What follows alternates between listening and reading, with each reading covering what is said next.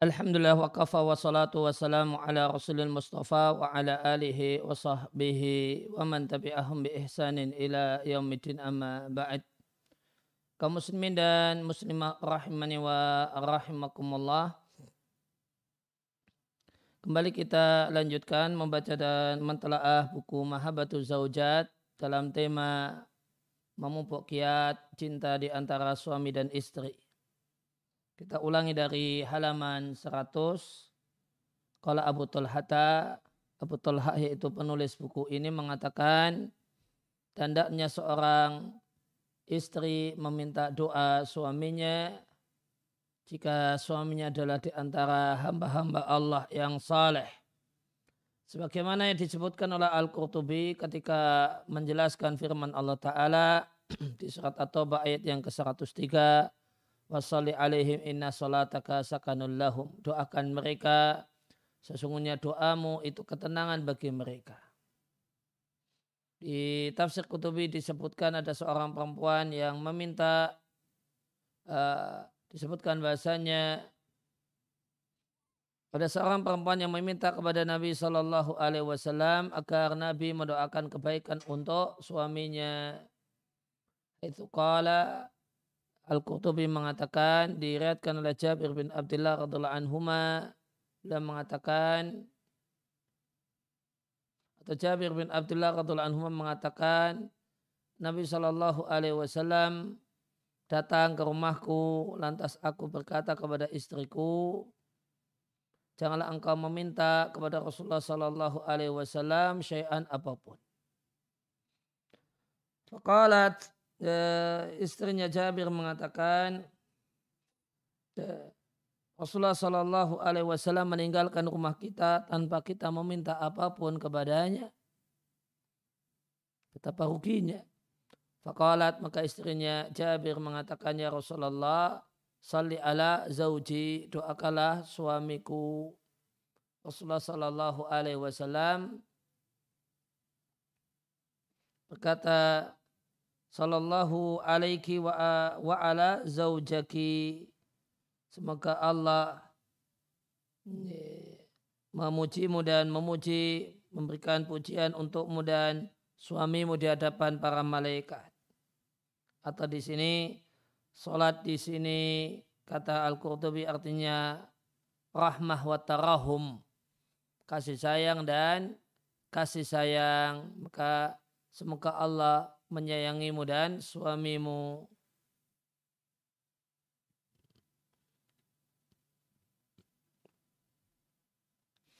Eh, sehingga berdasarkan orang ini maka yang di, uh, ditebalkan di sini adalah menjadi hendaknya seorang istri meminta doa li zaujiha doa kebaikan untuk suaminya dari hamba-hamba Allah yang saleh sebagaimana istrinya Jabir minta kepada Nabi Shallallahu Alaihi Wasallam agar mendoakan suaminya.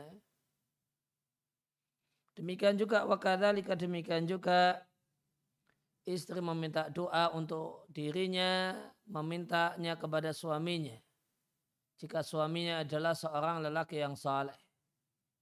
Fahadi Sayyidatu Aisyatu maka Ibunda Aisyah radhiallahu anha mengatakan Lama tatkala aku melihat Nabi Shallallahu Alaihi Wasallam taiba nafsin dalam keadaan happy atau gembira.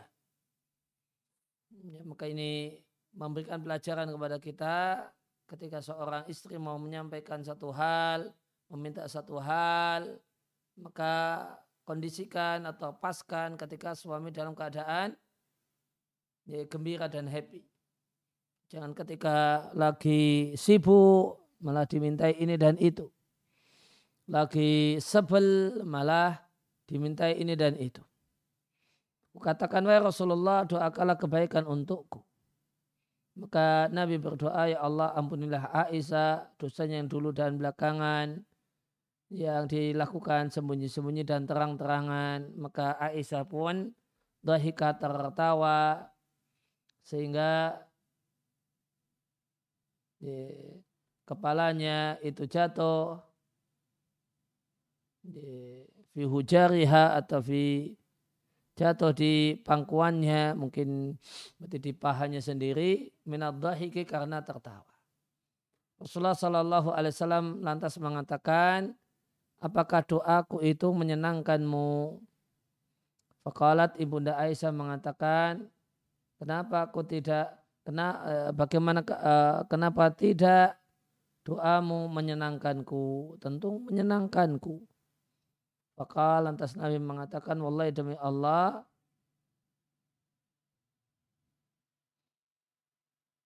sesungguhnya doa tersebut adalah doaku untuk umatku dalam setiap sholat. Diriatkan oleh Al-Bazar Al-Haythami mengatakan para perannya perawi kitab sahih selain Imam Ahmad selain rawi bernama Ahmad ibn Mansur Ar-Ramadi namun dia adalah perawi yang thiqah. Sekian kutipan Wal mar'atu salihatu maka wanita salihah adalah wanita yang antusias untuk menyenangkan suaminya, membahagiakan suaminya dengan indah, dengan akhlaknya yang indah, dengan mendengar dan taat kepada suami. Dengan itu turdi rabbaha awalan seorang wanita itu membuat ridho Tuhannya. Ini yang pertama. Kemudian eh, dia menjam uh, dan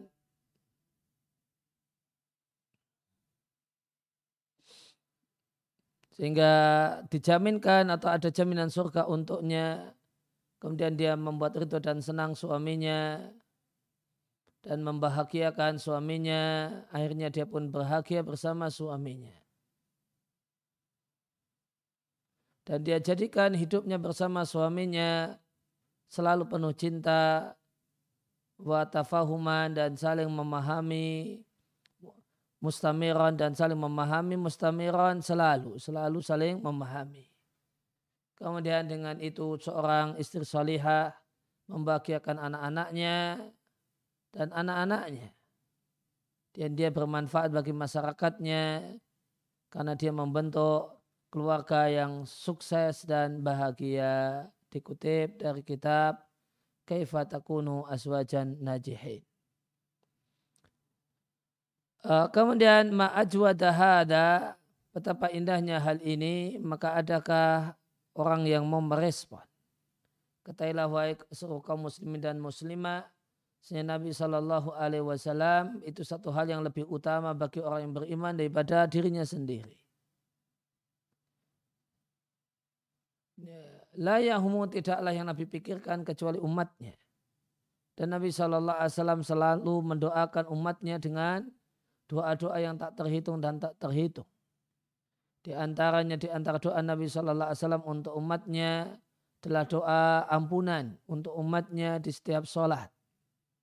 Sebagaimana berdasarkan hadis yang telah lewat sabda Nabi SAW dalam hadis dari Bunda Aisyah radhiallahu anha bahasanya wallahi innaha la da'watil ummati fi kulli salatin. Demi Allah kalimat itu yaitu memintakan ampunan adalah doaku untuk umatku dalam setiap sholat.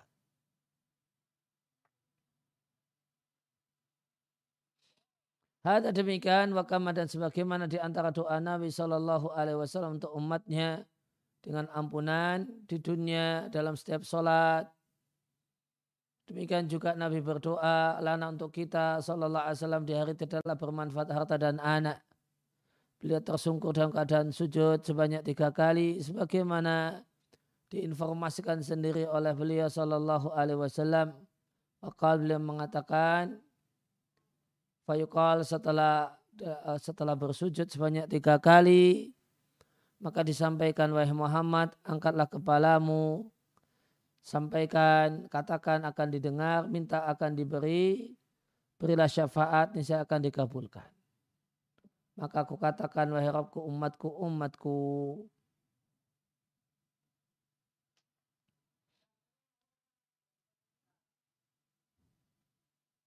Ya, masih uh, dan hadisnya adalah satu hadis yang panjang yang asalnya ada dalam Sahih Bukhari dan Sahih Muslim. Zubdatul Qauli intinya bahasanya Nabi Shallallahu Alaihi Wasallam mendoakan untuk kita dalam hidup beliau yang penuh berkah dengan doa yang demikian banyak tak bisa terhitung dan tak terhitung. Demikian juga Nabi mendoakan untuk kita pada hari kiamat dari tidaklah bermanfaat harta dan anak. Sehingga Nabi keluarkan umatnya dari neraka dengan syafaat beliau. Syafaat yang mendapatkan izin. Dan Nabi Shallallahu Alaihi Wasallam tidaklah meminta dari umatnya untuk diri beliau pribadi kecuali satu doa saja. Kama adunu demikian sangkaanku dan dia adalah uh, permintaan agar uh, wasilah untuk beliau sallallahu alaihi wasallam setelah adzan dan wasilah adalah tempat tinggal Nabi sallallahu alaihi wasallam di surga.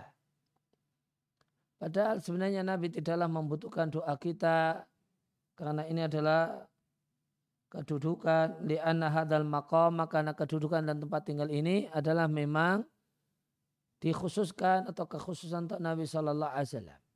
Sebagaimana hal tersebut terdapat dalam hadis berikut ini. Dari Abdullah bin Amr ibn al-As anhuma Rasulullah Shallallahu Alaihi Wasallam bersabda, "Idza sami'tumul muadzina jika kalian mendengar muadzin, ucapkanlah semisal yang dia katakan. Kemudian bersalawalah untukku.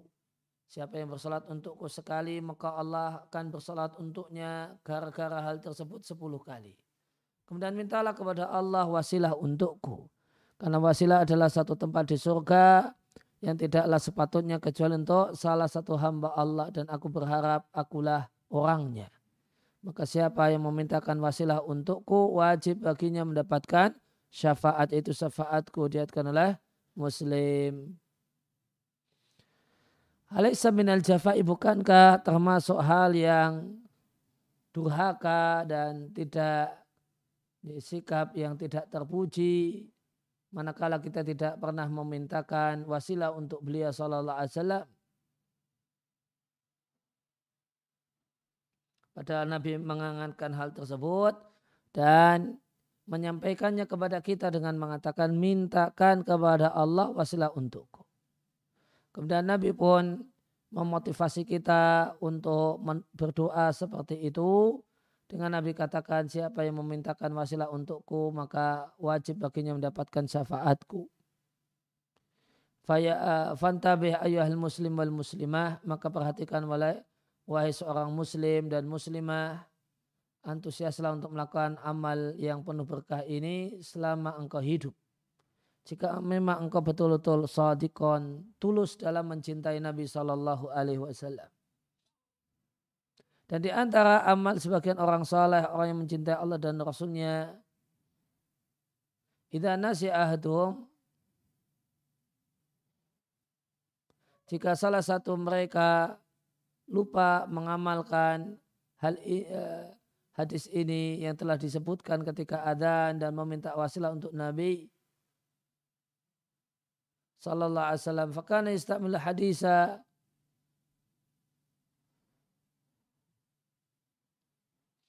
Maka beliau pun mengamalkan hadis ini. Hinama yadkuru ketika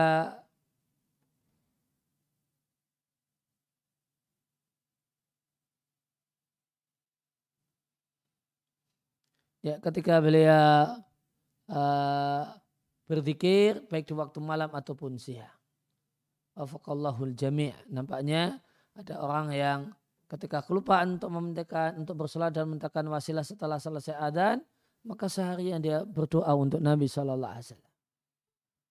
Ufaqallahul jami'a. Semoga Allah memberikan kemudahan untuk semuanya dan Allah menjadikan kita di antara orang-orang yang mendengarkan perkataan lantas mengikuti perkataan yang terbaik. Amin ya rabbal alamin. Berikutnya adalah doa memintakan wasilah untuk Nabi Shallallahu Alaihi Wasallam. Anda dengan doa ini Anda meminta wasilah untuk Nabi. Dari Jabir radhiallahu anhu Rasulullah sallallahu alaihi wasallam bersabda, "Mangkala siapa yang mengatakan ketika mendengar suara adzan yaitu setelah mendengar adzan, Allahumma ya Allah Arab doa yang sempurna ini satu seruan yang sempurna ini dan salat yang ditegakkan adi ay a'di berikanlah untuk Muhammad sallallahu alaihi wasallam wasilah yaitu satu tempat uh, yang isinya hanya untuk satu orang dan itu adalah tempatnya Nabi Shallallahu Alaihi Wasallam. Wal fadilata dan keutamaan dan berikan untuk beliau kedudukan terpuji yang telah engkau janjikan. Siapa yang membaca doa ini uh, halat lau syafaati yaumal qiyamah. Maka wajib baginya mendapatkan syafaat kepada hari kiamat diatkan oleh Al-Bukhari. Kemudian kembali tentang permasalahan keluarga. Eh, pembahasan tentang apa yang membuat seorang suami sengsara dan tidak bahagia. Eh, hunaka kathirun minal umur ada banyak hal yang itu akan menghilangkan kebahagiaan seorang suami. Akan tetapi yang paling penting adalah hal-hal berikut ini. Yang pertama, ketika istri itu menyelisih suami, tidak lagi hormat suami, tidak taat suami, terutama ketika di hadapan banyak orang. Yang kedua, ketika seorang laki-laki itu memiliki istri yang boros, yang ya, suka tabdir, membuang-buang harta dalam untuk dibelanjakan dalam hal-hal yang tidak mendesak, terutama untuk urusan pakaian dan perhiasan. Yang ketiga, seorang wanita atau seorang istri yang ketika punya istri yang sering mengatakan uff diminta ini dan itu ah bolak balik nyuruh watadamur dan suka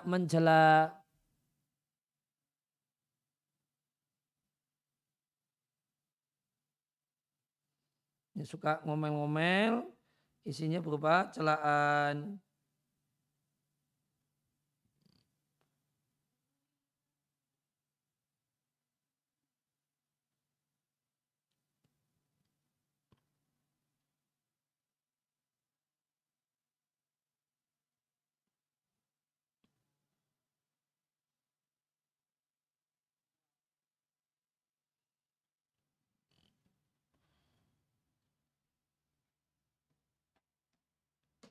Kemudian yang keempat adalah ketika istri adalah seorang yang remeh atau bahkan dungu cara berpikirnya, obrolannya dan uh, apa yang jadi perhatian-perhatiannya. Kemudian yang kelima adalah seorang yang tidak mempedulikan dirinya, artinya tidak ngurus bodinya, tidak ngurus fisiknya di hadapan suami, namun berdandan untuk orang lain. Yeah, dan tidak diperbolehkan berdandan untuk selain suami. Terutama jika dengan niat pamer, kemudian sombong. Dan satu hal yang membuat murka Allah. Jalat azamatuhu.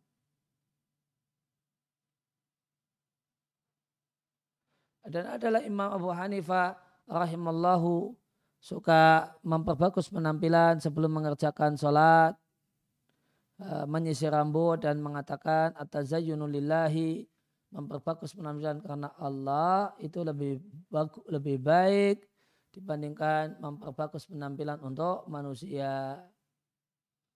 Kemudian yang keenam yang membuat hilangnya kebahagiaan seorang suami adalah ketika seorang istri itu berlebihan memuliakan keluarganya namun juga berlebihan dalam tidak mengurusi keluarga suami. Kalau keluarganya eh, demikian perhatian, kalau keluarga suami demikian masa bodoh. Kemudian yang ketujuh sering bohong karena bohong itu akan menghilangkan kepercayaan suami terhadap istrinya. Kemudian yang kedelapan hendaknya istri menjauhi memuji lelaki siapa pun yang merupakan laki-laki asing di depan suaminya. Karena pujian istri terhadap laki-laki yang lain itu membuat sempit hati suami. Bahkan boleh jadi akan membangkitkan keraguan dan kecurigaan suami.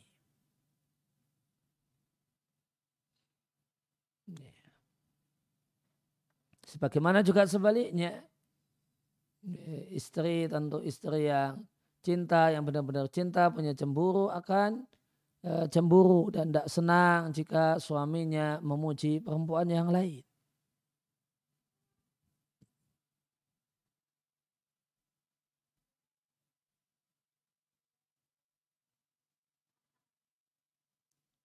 Kemudian poin yang ke sembilan,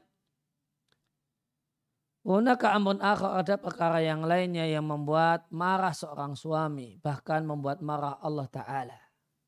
Sehingga wanita, seorang wanita itu masuk neraka karenanya. Dalam hadis, aku melihat neraka maka belum aku pernah melihat pemandangan yang lebih mengerikan seperti hari ini. Aku jumpai mayoritas penghuni adalah perempuan. Para sahabat bertanya, kenapa wahai Rasulullah? Kalau Nabi katakan karena mereka menutupi atau kafir. Ditanyakan apakah mereka kafir kepada Allah? Jawabannya kata Nabi bukan. Namun yakfurul ashira.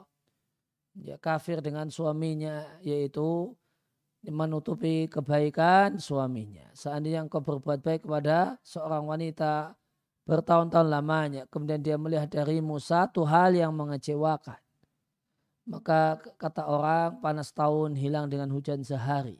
Kebaikan setahun bahkan bertahun-tahun hilang dengan satu kali kecewa. Dia akan mengatakan ma'ra'aitu minka khairan qattu. Aku belum pernah melihat kebaikan sedikit pun darimu. Dan Rasulullah SAW demikian dalam saya Muslim. Dan Rasulullah Sallallahu Alaihi Wasallam bersabda,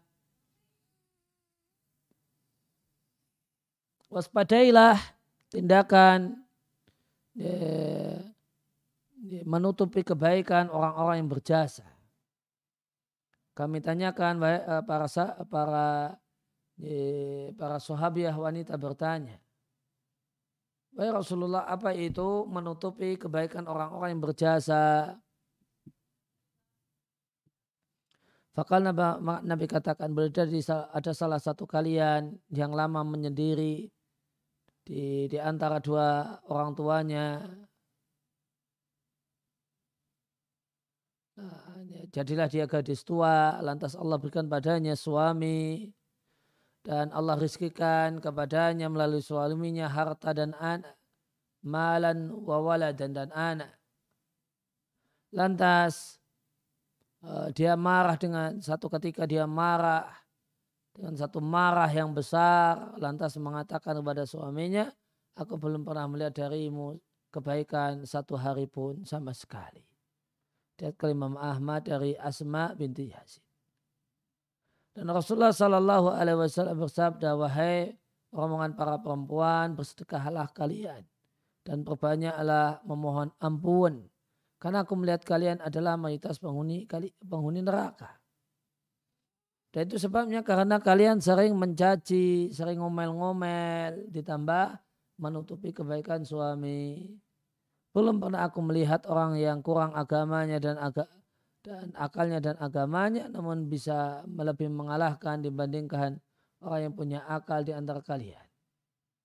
Yang yang punya akal, laki-laki punya akal, min kunna melebihi kalian. Kalian itu betul-betul hebat. Adapun kekurangan akal karena dibuktikan dengan persaksian dua perempuan setara dengan persaksian satu laki-laki. Maka ini kurang akal. Demikian juga perempuan menjalani beberapa malam tidak sholat dan tidak puasa di, bulan Ramadan. Maka ini adalah uh, kekurangan agamanya. Mutafakan alaih diatkan oleh Al-Bukhari dan Muslim.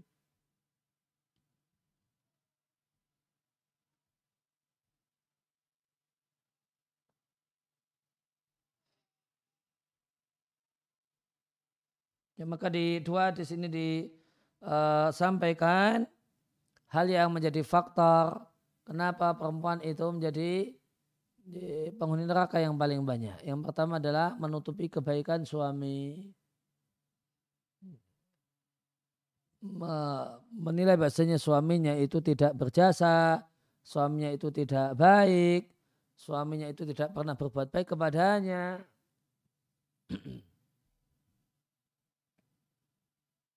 Kemudian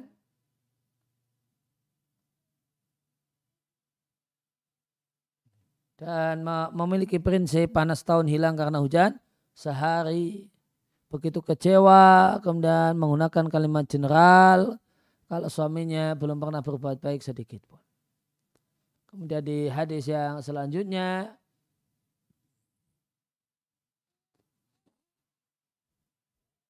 dia ada karena inna inakum taksurna al-la'na. Karena hobi mencela, mencaci di samping menutupi kebaikan al-ashir suami.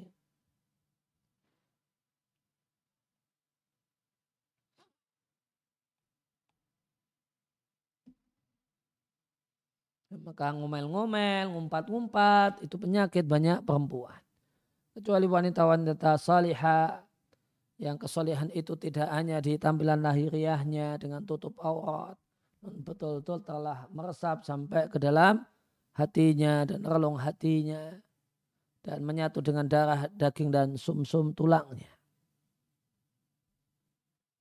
Ya demikian yang kita baca kesempatan ya, kali ini. Di pertemuan yang akan datang selanjutnya akan kita bahas tentang hal-hal yang membahagiakan istri. Demikian wasallallahu ala nabiyina ala alihi wa sahbihi wa salam. Wa akhiru da'ana alhamdulillahi rabbil alamin. Subhanaka Allahumma wa bihamdika asyhadu an la ilaha illa anta astaghfiruka wa atubu ilaik.